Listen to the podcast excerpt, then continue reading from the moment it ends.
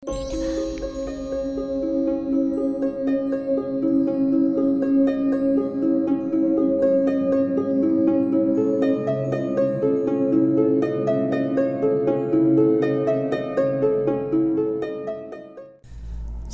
malam dan selamat datang.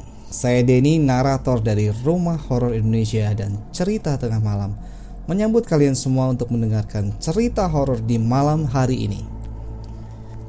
Dan cerita kita untuk malam hari ini berjudul Siapa yang tidur di sebelah gue?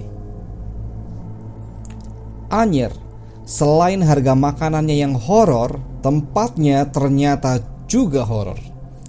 Panggil saja gue Jerry dan cerita ini adalah tentang pengalaman horor gue di Anyer waktu gue nginep di daerah Anyer. Jadi gini lengkapnya. Gue sama teman-teman gue mau melakukan kegiatan mancing di daerah Pulau Sanghyang. Kita berlima datang sekitar jam 4 sore hari Sabtu waktu itu Mei 2015. Rencananya kita berangkat mancing hari Minggunya, jadi kita harus nginep dulu di sana. Sayangnya kita dapat tempat nginep yang kurang sesuai. Rumah itu tua banget, dua lantai lagi. Sebelah kanan rumah itu masih area kosong alias kebun penuh alang-alang. Awalnya gue udah ngerasain gelagat yang gak enak. Hawanya udah beda pas masuk rumah. Pas malamnya kita niat begadang.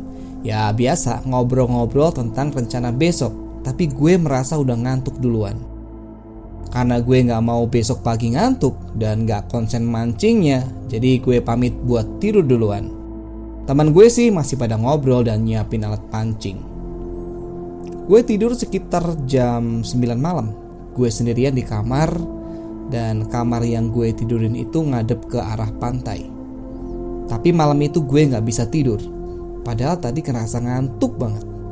Akhirnya gue paksain tidur. Gue sempat ketiduran, tapi entah jam berapa gue setengah terbangun. Posisi gue miring ke kiri dan gue lihat ada yang tidur di samping gue. Gak begitu jelas itu siapa, soalnya badannya agak miring membelakangi gue. Gue jadi penasaran pengen lihat siapa sih yang tidur di sebelah gue itu. Pas hampir mukanya kelihatan, dia malah nengok ngadep ke gue.